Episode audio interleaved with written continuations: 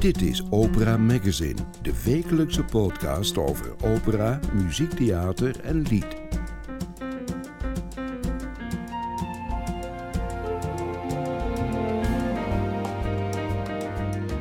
In deze aflevering van Opera Magazine hoort u hoe enthousiast componist Lucas Wiegerink en regisseur en zonnevankdirecteur Daniel van Klaveren zijn over Koning Bowie van Theater Zonnevank. En we waren bij een repetitie van De Vuurtorenwachter, de nieuwe voorstelling van Barok Opera Amsterdam die eindelijk in première gaat in Nederland. Welkom bij Opera Magazine. Lekker zitten op mijn troon, vind ik heel gewoon. Bowie, koning Bowie. Ik eet appeltaart met room, op mijn hoofd een mooie kroon. Bowie, koning Bowie. Hebben een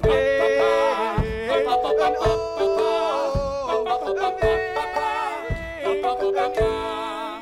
We hebben een Bowie. Hoewel de gemiddelde leeftijd van bezoekers van bijvoorbeeld de Nationale Opera ver boven de 50 ligt, zijn opera en muziektheater natuurlijk voor alle leeftijden.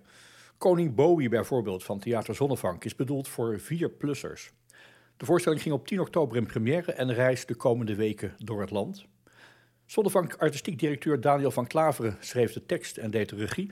Lucas Wiegerink componeerde de muziek. Beide heren aan de lijn, welkom. Dankjewel. Lucas, heb jij een jeugdherinnering aan theater waar je als kind naartoe ging en die je onthouden hebt als, eh, als moment dat je in een theater was bij een voorstelling? Ik heb er eigenlijk heel veel. En mijn allereerste is denk ik een voorstelling uit de Krakeling in Amsterdam. Maar ik weet alleen nog maar het decor. En ik denk dat ik misschien drie of vier was. Maar het is, het is gewoon een soort magisch beeld van een decor. Eigenlijk een beetje vergelijkbaar in mijn herinnering zoals we nu Koning Bowie hebben. Uh, alleen gebeurt er bij Koning Bowie veel meer in het decor. Maar uh, dit was een soort houten stellage. Uh, waar ook acteurs op, op stonden en onder stonden. En ja, alleen al dat beeld, dat is het enige wat is blijven hangen van die voorstelling. En ik ga ervan uit dat het mijn allereerste herinnering is. Eigenlijk omdat er zo weinig verder van is blijven hangen.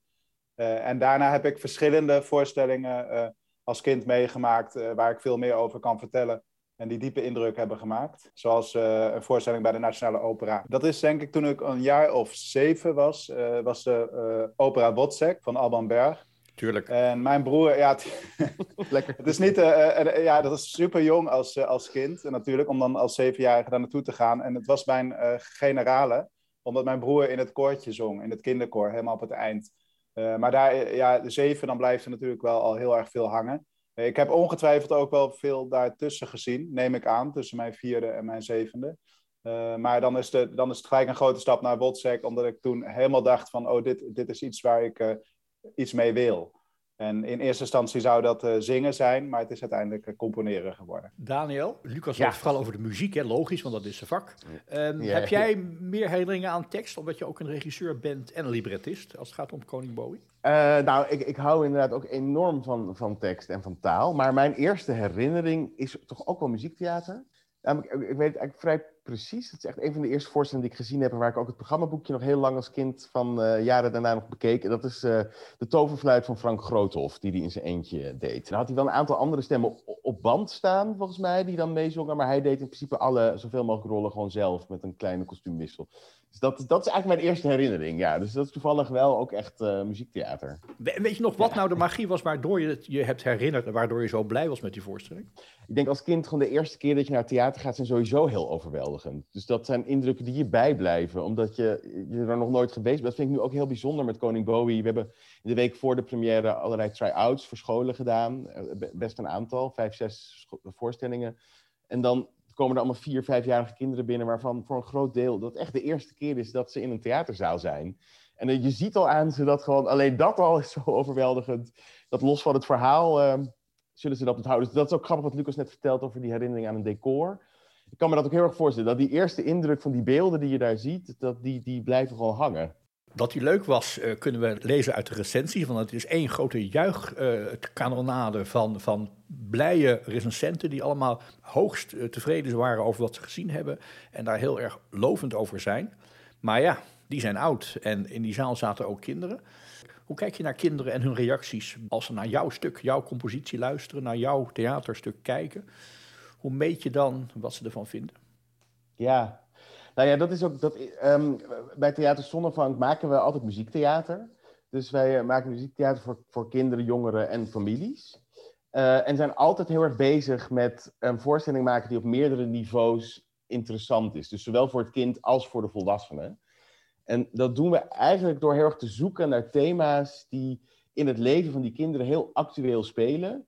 Die op een uitgezoomd niveau ook voor volwassenen en kinderen van andere leeftijden interessant of nog steeds herkenbaar zijn. En dat is bij Koning Bowie is dat heel, heel, heel concreet uh, het, thema uh, de baas willen zijn. Nou, de baas willen zijn, dat is toch iets wat, uh, wat in de volwassen wereld nog steeds flink speelt. En wat ook opnieuw heel actueel is met alle discussies over macht en hoe we daarmee omgaan en wie er nou eigenlijk macht heeft. En, um, maar op het niveau van een kleuter speelt dat ook heel erg. Dus dat is wat, wat, wat we bij Koning Bowie ook doen. Dat gaat over een kind wat zijn eerste schooldag heeft. En daar vol verwachting naartoe gaat. In ons voorstelling kruipt hij ook letterlijk uit een ei. Dus ook een soort verbeelding van een hele warme, veilige wereld. Waarvanuit hij plotseling in die klas belandt. Nou, en daar blijkt een hele hiërarchie te zijn aan, aan regels en kinderen die de baas over de andere kinderen zijn. En daar moet hij opeens inpassen. En dat is eigenlijk zo'n enorme teleurstelling. En voelt zo onrechtvaardig dat hij wenst dat hij de koning van de klas wordt. En dan gaat er een magische cirkel in gang, zou je kunnen zeggen, die het verhaal van de voorstelling vormt. Maar dat thema van de baas willen zijn en omgaan met regels en omgaan met, met dat iemand anders wil bepalen welk spel er wordt gespeeld, terwijl jij het op die manier wil doen, dat is iets wat op kleuterscholen gewoon ontzettend speelt. Van hoe, hoe ga je met elkaar om? Hoe, hoe speel je samen? Dat is gewoon heel ingewikkeld in eerste instantie. En uh, nou, die herkenbaarheid, dat zien we ook, dat merken, dat voel je aan het publiek, aan die, die kleuters. Die, die vinden het spannend, weet je. Die willen weten wat er gebeurt, wie er wint, wie er... En ze hebben er soms ook een mening over. We hebben ook wel uh, try-outs gehad, dat, dat was voor zesjarigen net, wat ouder. Nou, die vonden toch echt wel dat er werd te veel ruzie gemaakt door de personages. Je moet toch echt aardiger met elkaar omgaan. Dus dat was, eh, ze werden heel actief ervan. Dus dat was heel leuk. Moet het trouwens, vraag tussendoor, ook aan beide, moet het opvoedkundig zijn? Moet, moeten kinderen betere mensen worden van wat ze bij jou in theater zien, Lucas? Eh, horen, in jouw geval? Ja, goede vraag. Uh, voor mij uh, hoeft dat niet per se. Tenminste, natuurlijk wil je, wil je kinderen iets meegeven. Maar ik, ik, het, het, is niet een soort uh, moralistisch stuk van zo moet je leven. Het is voor mij van dat, dat elk kind en ook elke volwassene, want ik vind dat goed, ik, muziektheater voor kinderen ook leuk voor volwassenen moet zijn. Maar dat, dat iedereen er eigenlijk ja, iets uit kan halen. en dat kan ook al zijn voor, bij een kind van, wauw, wat is het theater gaaf.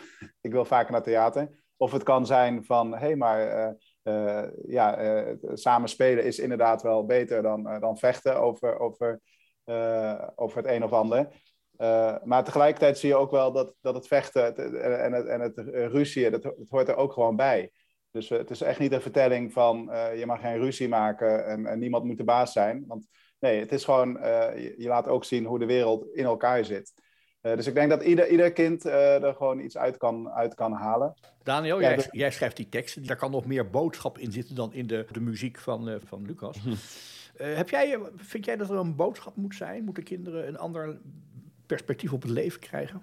Nou, een ander perspectief op het leven is natuurlijk wel heel interessant. Dus dat, dat voor mij is het inderdaad. Ik heb ook wel eens, wel eens het zo verwoord als theater is een soort van oefenen in leven. Doordat je met verschillende personages meeleeft, met verschillende situaties ja, kan je je inleven in, in verschillende gevoelens die je kan hebben. En ik denk dat dat heel waardevol is. Dus ik hoop altijd dat, dat na een voorstelling dat kinderen met hun ouders of hun leerkrachten er wel over door kunnen praten. Maar vooral dat het dan een aanleiding is tot gesprek, als het ware. En niet zozeer dat ze er een lesje uithalen. Want dat is denk ik niet uh, ja, de interessantste weg. Dus, dus het is, ja, van een duidelijke moraal probeer je denk ik altijd net een beetje weg te blijven. Maar ondertussen gaat het natuurlijk wel over, ja, nadenken over de wereld. Ja, dat zeker.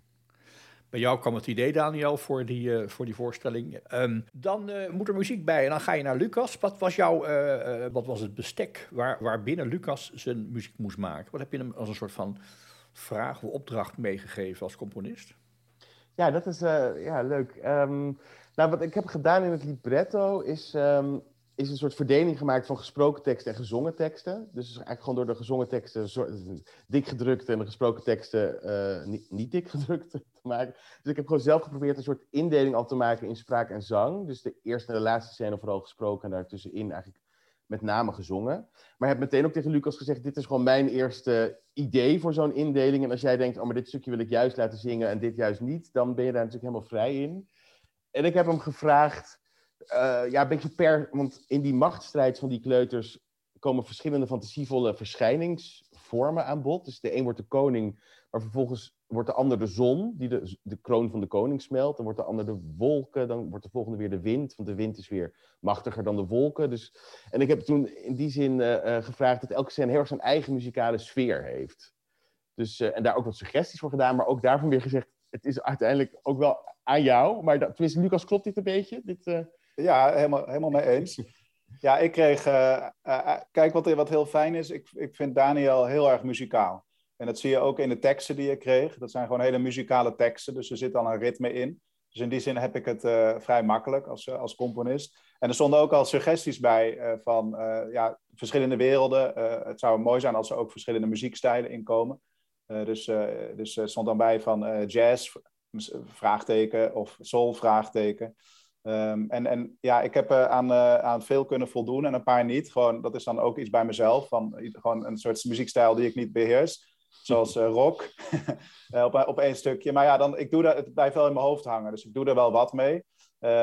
Um, ja, en maar bijvoorbeeld het jazzstukje stond bij het lied van de wolken. En dat, is, dat begint met tik, tik, tik, rikken, tikken, tikken, tikken, tik, blubber de blub, blub, blub. Uh, nou ja, en dat, dan, dan denk ik gelijk, ja, dat is jazz. Want je kan er natuurlijk zo'n freestyle jazz, bla bla bla bla bla bla bla bla bla, tik, tik, tik, tik. Dan kan je ontzettend veel met die paar woordjes van de regen. Dus dat, dat begint ook echt als een soort uh, jazzstuk. En ik heb dan uh, verschillende jazzzangeressen ook, ook beluisterd, die daar ja, eigenlijk op improviseren. En dan mm. met, met, met, met regenklanken. dus dus ja, dat, dat is, eigenlijk was het voor, voor mij, mij heel fijn om zo'n ja, kader te hebben waar ik, het ook eigenlijk, me heel goed in, waar ik me heel goed in kon vinden. En daar ben ik vervolgens mee aan de slag gegaan. Hoe groot mocht het orkest zijn? Precies, ja, ja nou, dat is interessant. Het is een, uh, one-man band eigenlijk. Dus uh, Laura trompetter speelt slagwerk. Maar het klinkt alsof er soms uh, drie slagwerkers aan het spelen zijn. Want zij kan, ze is een waanzinnig goede slagwerker. En ze, ze, kan eigenlijk zoveel tegelijk op de marimba slaan en dan ook nog op trommels en met de voet op de bassdrum. dus, en eigenlijk voor mij is slagwerk is, is echt zo'n rijkdom. Ik schrijf er zo graag voor. En ik heb er ook al heel veel voor geschreven. Uh, want je kan al die werelden oproepen. Je hebt het melodisch slagwerk, marimba, vibrafoon. Uh, maar ook natuurlijk gewoon allerlei uh, soorten trommels. En elke keer bij de verandering naar een nieuwe wereld is er een slag op de tam-tam. Zodat er ook een heel duidelijk ja, signaal is, wat, wat, wat ook heel veel theatrale referenties oproept. Misschien niet bij kinderen, maar natuurlijk wel bij, bij ouders. En, en vanaf nu ook bij kinderen. Want zo'n gong, slash in dit geval tam-tam, maar het klinkt natuurlijk als, als een soort ja, uh, gong. Gong is op klank, heeft een toonhoogte, tamtam niet. Uh, maar ja, dat is natuurlijk zo'n zo'n magisch geluid. wat, wat volwassenen inderdaad ja, daar gelijk allerlei associaties oproept. In, in een recensie ging het over de muziek van soul naar jazz tot Queen-achtige rock-symfonie. Allemaal met één componist en één muzikant en een heleboel slagwerk even een sfeertje krijgen, meekrijgen en van... En drie, drie zingende acteurs ook, hè, die te ja, dat zijn uh, Sam van Hulst, Isabelle Cavando en Bart Sietsema. Heel veel samenzang en uh, ja. Dat zijn geen, volgens mij geen geschoolde operazangers, maar ze zingen heel goed. En ik heb een fragmentje van Lucas gekregen, wat we even kunnen laten horen, waarin het, het heet het lied van de wind. En dan hoor je zowel het slagwerk als de kwaliteit van die zangers. Niemand wint, niemand wint, Niemand wint van het waaien van de wind. Voel, voel, voel, voel,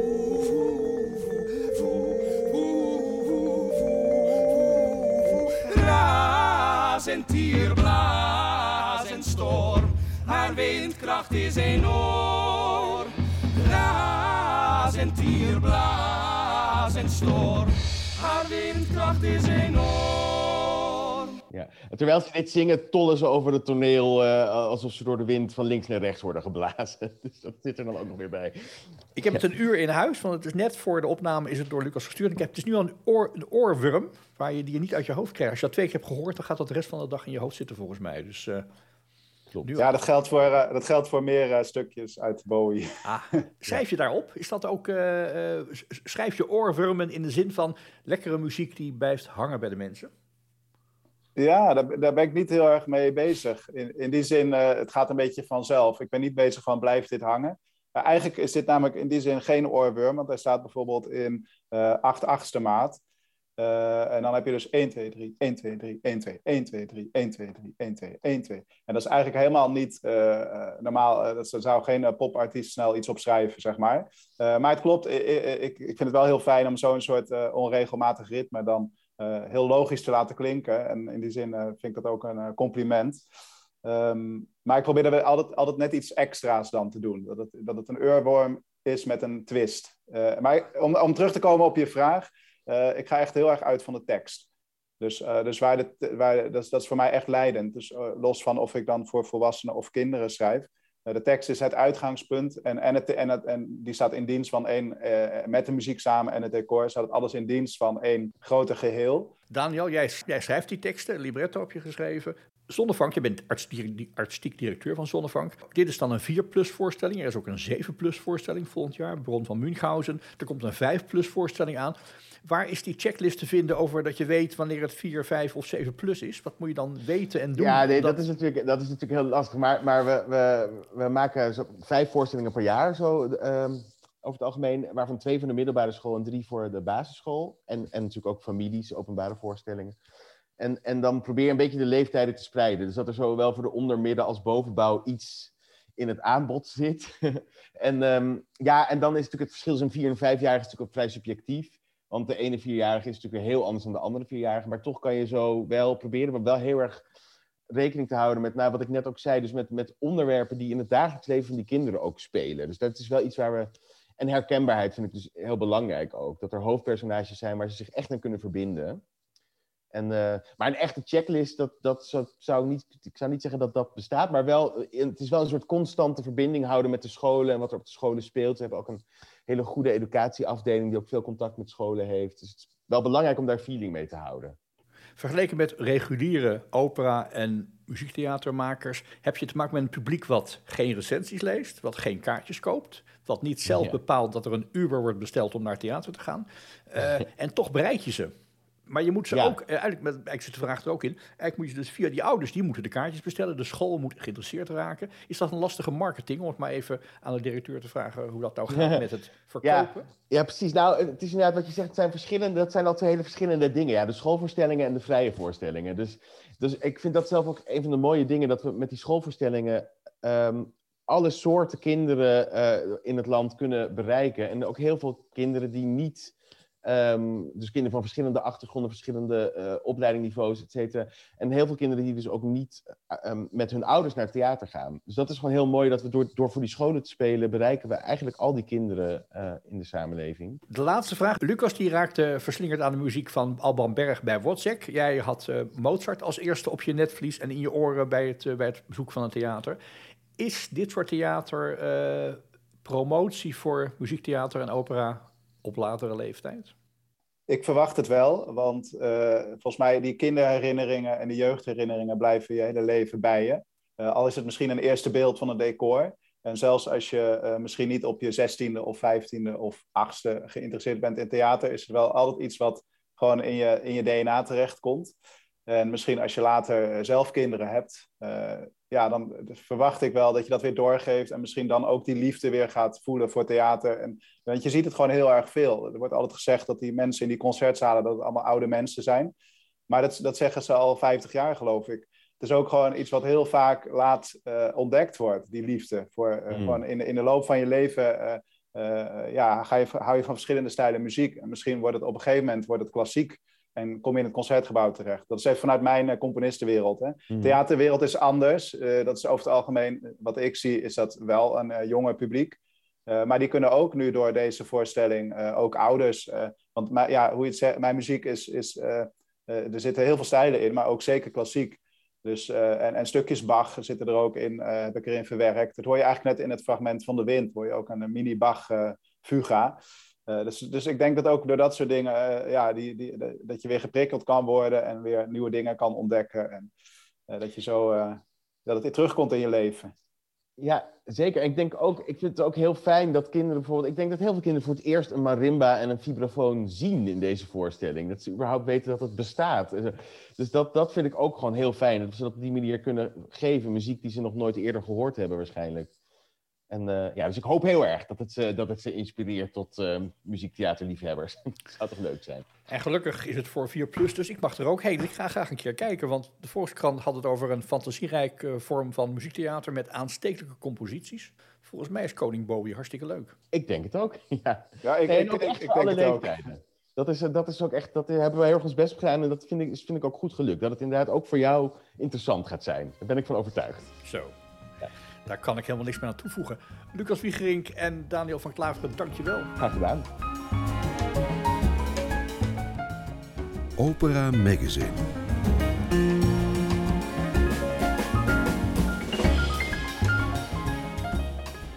Amsterdam-West, een kil bedrijventerrein recht tegenover de kringloopwinkel en met veel grijze, anonieme bouwsels.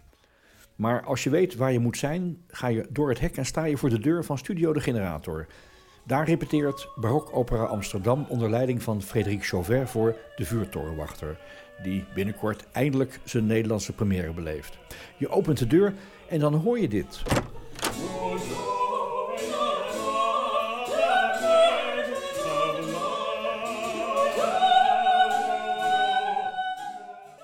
En uh, nou, een klein jaar geleden was het koud buiten. Er werd gerepeteerd voor de vuurtorenwachter, want die zou in première gaan.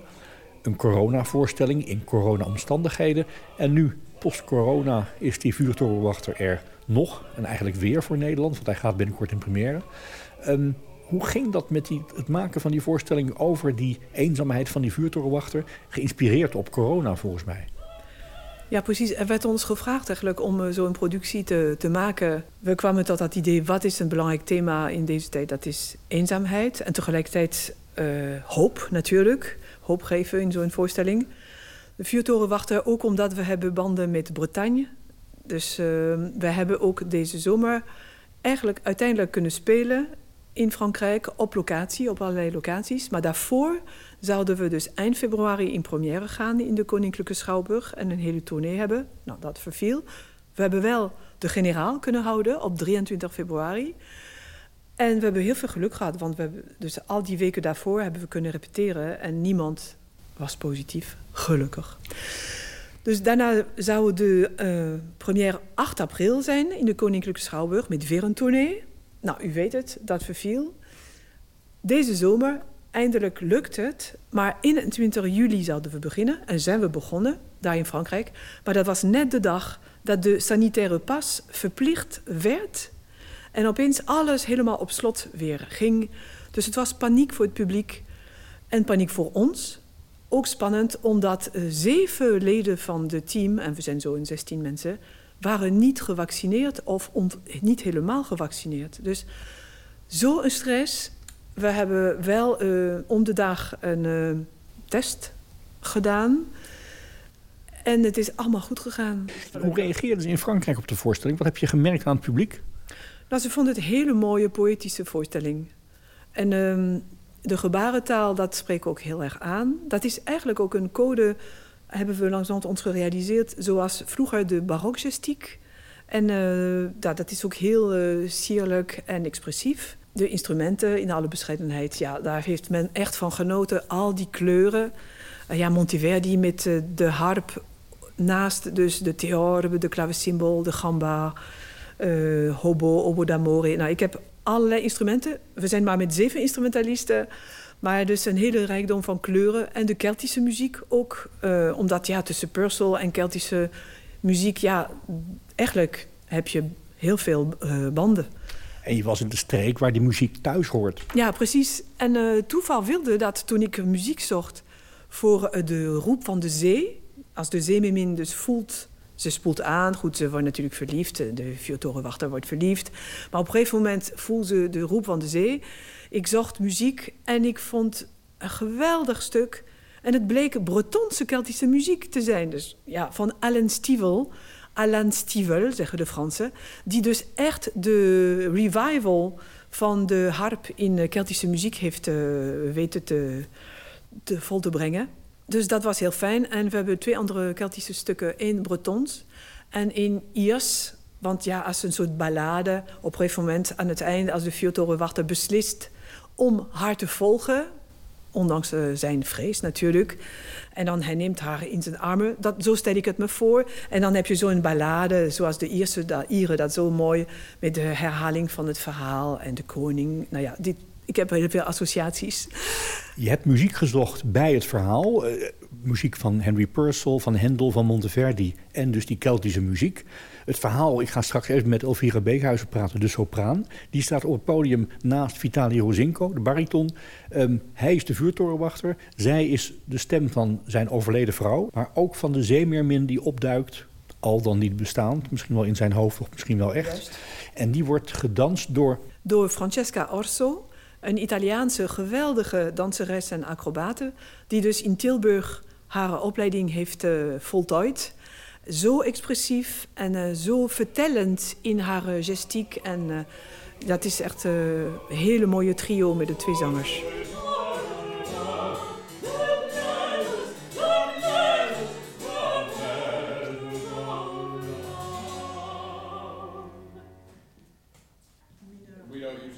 Elvire Beekhuizen, sopraan. Um, nieuw in deze productie, maar je bent niet helemaal nieuw voor Barok Opera Amsterdam. Nee, dat klopt. Ik heb eigenlijk uh, al een keer eerder uh, een soortgelijk project met uh, Barok Opera Amsterdam aangegaan. ik ben namelijk ook voor een King Arthur productie ingesprongen een keer. En dat was ontzettend leuk om te doen. Dus zo kennen we elkaar. En toen hebben we begin van de coronacrisis, of vlak daarvoor, zijn we begonnen met Le Voyage dans la Lune. Maar die moest helaas geannuleerd worden vanwege de lockdown en alles. En toen werd het de vuurtorenwachter. Uh, die heeft al gespeeld in Frankrijk, maar gaat nu voor het eerst in Nederland in première. Jij bent de vrouw van de vuurtorenwachter, maar je bent dood. Ja, ja dat is tragisch. Hoe zingt dat? Ja, ik, ik ben toch besloten maar adem te halen. Dat schijnt niet te kunnen als je dood bent, maar dat, ik kies ervoor dat wel te doen. Nee, dit is, het is natuurlijk een gek, gek iets om te interpreteren. Um, maar ja, ik zie het toch als een vrouw die na haar dood niet loskomt van haar liefde. Um, wat misschien wel, waar, waar, waar, een mens zich misschien wel aan kan uh, relateren. In plaats van dat je dood bent en allerlei dingen doet. Ja, want wat voor vrouw is het? Die, je ligt in een graf op het podium, hè, dat is het beeld van, van, de, van de ansenering. Wat voor vrouw is het die je zingt? Ja, nou ja, wij zijn eigenlijk gisteren met de uh, regierepetities uh, pas begonnen. Dus er zijn... De vrouw is een project in making. Eigenlijk wel, maar het idee dat ik nu heb is dat zij uh, erg hands-on is en assertief en, en zorgzaam. Want ze is dood, maar ze maakt zich zorgen over haar man, de vuurtorenwachter. Ja, ja daar gaat het, die, die, zij vindt dat het niet goed met hem gaat. Uh, ja, nee, ja, zij bemoeit zich behoorlijk tegenaan. Zij, zij zorgt ervoor dat hij een nieuw liefje krijgt. Ze regeert eigenlijk over haar graf heen, zoals dat heet. Ja, ja, precies. Dat Engelse repertoire, ik hoorde je net in de repetitie zingen. Het klinkt prachtig, je klinkt ook heel Engels volgens mij, maar wat moet je doen om het zo geloofwaardig en zo Brits te laten klinken? De muziek van Purcell zong je vanmiddag. Dat Engels is bijzonder. Ja, er is dus uh, uh, op een gegeven moment veel onderzoek naar geweest hoe dat Engels nou in die tijd van Purcell uh, geklonken zou hebben. En de stelling die wij dus navolgen is eigenlijk dat het Engels uit die tijd meer als het Engels zou klinken zoals het nu zeg maar Oostkust Amerika gesproken wordt. omdat de mensen die toen geëmigreerd zijn die taal beter behouden hebben en dat geluid van toen is dus eigenlijk het geluid wat je nu zingt in die Purcell-muziek. Dat proberen we. Moet ik ook fout. In ja. die Purcell-muziek. Ja, want Purcell, uh, zijn ze achtergekomen, is in een gedichtje geschreven, rijmt op rehearsal. Dus zo weten we dat het Purcell is. Heb ik van uh, Frederik geleerd oh, ja, ook. Ik ja. ook. Ja. ja. dat is heel leerzaam. Geen doorgecomponeerde opera. Het is een, het is een samenstelling van een aantal stukken. Vooral Purcell, maar ook Monteverdi. Zit er ook Hendel in? Ja. Ja. ook twee, uh, twee Hendel-aria's, hè? De meest simpele vraag die ik kan stellen, maar wat vind je de mooiste? Ja, het mooiste is Lamento de la Ninfa voor mij. Um, maar niet het makkelijkste. Wat maakt het moeilijk? De ligging is laag voor me. Het is heel uh, breekbaar door de ligging. Uh, kaal, zou ik het willen noemen. Maar ik, ik hou ontzettend van dat stuk. Het is uh, ontroerend.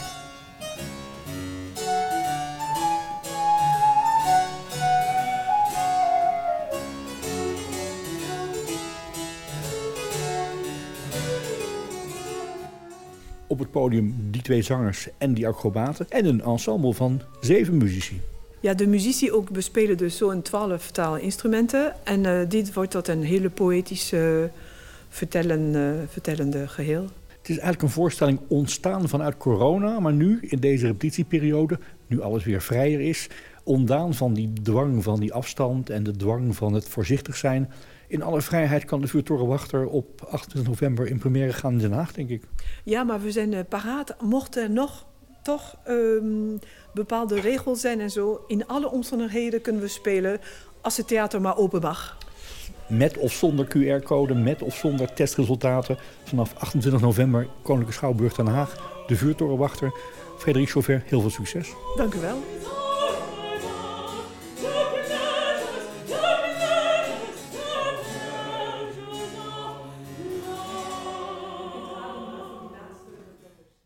Opera Magazine. With great sorrow, we announce the death today of Bernard Haitink, the distinguished Dutch conductor. Mr. Haitink died peacefully at home with his wife and family, aged 92 years old. Bernard Haitink was one of the most celebrated conductors of his generation. He was chief conductor of the Royal Concertgebouw Orchestra for 27 years. As well as holding music director positions at the Royal en dan kwam op de avond van 21 oktober het bericht van het overlijden van Bernard Haitink. Nederland kent zijn werk met Bruckner en Mahler. Maar in Engeland was hij lang actief als operadirigent en artistiek leider van het Glyndebourne Festival en het Londense Royal Opera House. Haitink nam de complete Ring des Nibelungen van Wagner op met het orkest van de Bayerische Rundfunk. Zijn 80ste verjaardag vierde Haitink in Nederland op 24 februari 2008 met Wagners Die Walküre, daarvan de eerste acte, met het Koninklijk Concertgebouworkest en met een door hem zeer geprezen Eva Maria Westbroek als Sieglinde. Haitink als operadirigent.